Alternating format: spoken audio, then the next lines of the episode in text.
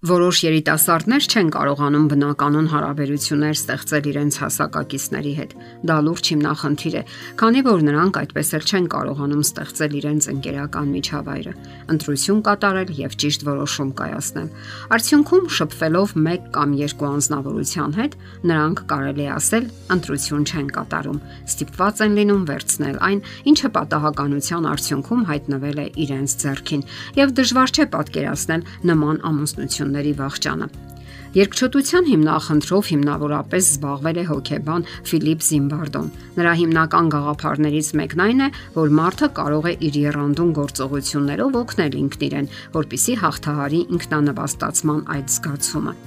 Ընդ որում նշենք, որ Զիմբարդոն ժամանակակից ամենահայտնի հոկեբաններից մեկն է եւ համարյա առաջինը, ով լրջորեն ուսումնասիրել է այդ բավականին տարածված եւ ցավ պատճառող հիմնախնդիրը՝ երկչոտությունը։ Նա Կալիֆոռնիայում հիմնադրել է հատուկ կլինիկա, որտեղ մեծահասակներին եւ երեխաներին օգնում է հաղթահարելու ամաչկոտ վարքագիծը։ Դրանից բացի Զիմբարդոն ամաչկոտության մասին մի քանի գրքեր է հրատարակել, որոնք դարձել են համաշխարհային մակարդակով ամենավաճառված գրքերից մեկը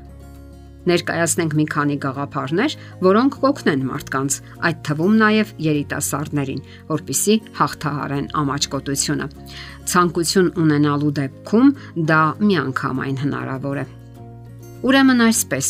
ուսումնասիրեք ձեզ, գիտակցեք ձեր ուժերն ու թուլությունները եւ արժանավայել նպատակներ դրեք ձեր առջև։ Որոշեք, թե ինչն է ձեզ համար արժեքավոր եւ ինչին եք դուք հավատում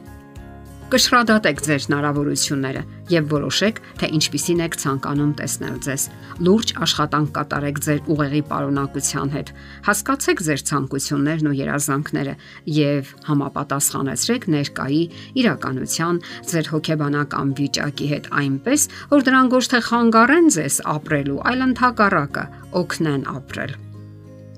Հաջորդը. Որոշեք, ինչն է ձեր անznավորության հիմքը։ Սեփական անցյալի վերլուծության օգնությամբ որոշեք, թե անznական ինչ կապեր եւ ընդունած որոշումներ են ստիպել ձեզ ապրելու հենց այդպես, ինչպես ապրում եք։ Ձգտեք հասկանալ ու ներել նրանց, ովքեր վիրավորել են ձեզ եւ չեն օգնել այն ժամանակ, երբ դուք ունեիք դրա կարիքը։ Ներեցեք ձեզ ձեր սխալների, մեղքերի, անհաջողությունների եւ անցյալի տատանումների համար։ Անընդհատ թաղեք բոլոր բացասական հիշողությունները բայց միայն այն բանից հետո, երբ դրանցից խնամքով կվերցնեք ձեզ համար օգտակար ամեն բան։ Հիշեք, քանի դեռ ձեր մեջ ապրում են վատ հիշողությունները, դրանք տիրում են ձեզ։ Անհապաղ հարկավոր է դրանք հեռացնել։ Ձեր հիշողության սենյակը բնակեցրեք անցյալի հիշողություններով, որոնք հաջողությունների հետ են կապված, որքան էլ դրանք քիչ լինեն։ Հաջորդ պահը. վստահեք ձեզ։ Անհիմն մեղավորության եւ ամոթի զգացումը ձևավորում է ձեր վարքագիծը եւ հեռացնում դրական նպատակները, սահմանափակելով ստեղծագործական հնարավորությունները։ Ահա թե ինչու կարեւոր է վստահել սեփական ուժերին եւ ընտունակություններին։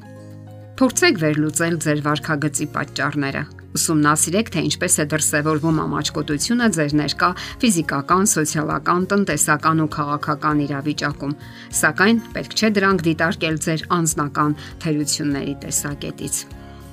Նաև հիշեք, որ կարծիքները հարաբերական են։ Լսել եք այս արտահայտությունը, որքան մարդ, այնքան կարծիք։ Հիշեցրեք ձեզ, միշտ եւ ամեն ինչի առումով գոյություն ունի այլընտրանքային տեսակետ Մարդիկ տարբեր են եւ տարբեր մտածումներ ունեն այն բանի վերաբերյալ, ինչն ընդունված է անվանել իրականություն։ Ամեն մեկը խոսում եւ գործում է իր սեփական պատկերացումներին եւ ընկալումներին համապատասխան։ Դա հասկանալը թույլ կտա ձեզ լինել առավել հանդուրժողական ուրիշ մարդկանց տեսակետներն ու արարքները մեկնաբանելիս եւ դուք կլինեք առավել մեծահոգի ուրիշների արարքներն ու դիտավորությունները ներքին նրթապաճառները հասկանալու առումով Մի խորհուրդ եւս, երբեք վատը մի խոսեք ձեր մասին։ Աստվածաբանության հոգեվոր տեսակետից մենք բոլորս մեղավոր մարդիկ ենք։ Հասկանալով այս կարևոր պահը, այնուամենայնիվ կարիք չկա անընդհատ վատաբանել սեփական անձը։ Առանձնահատուկ զգուշացեք այնպիսի վիրավորական բառերից եւ կտրուկ գնահատականներից, ինչպիսիք են բութ, ապուշ, այլանդակ, ավանակ, անհաջողակ, անուղղելի մարդ տերմինները Թույլ մի տվեք նաև, որ ուրիշները քննադատեն ձեզ եւ ձեր անձնական որակները։ Քննարկման առարկա կարող են լինել միայն գործողությունները, այլ ոչ բնավորության այս կամ այն որակը։ Իսկ երբ դուք վերլուծում եք սեփական բնավորության բացասական որակները, դա կարող է կառուցողական լինել եւ օգնել ազատվելու որոշ գծերից։ Անհաջողություններն ու հիասթափությունները երբեմն կարող են ձեր բարօրությանը ծառայել։ Որոշ դեպքերում դուք անհավատալի ջանքեր եք վատնում սխալ ընտրված նպատակների համար, եւ ահա գալիս են անհաջողությունները, որպես կենսականորեն անհրաժեշտ դասեր։ Դրանք օգնում են մեզ խուսափելու ավելի մեծ հիասթափություններից եւ նույնիսկ դժբախտություններից։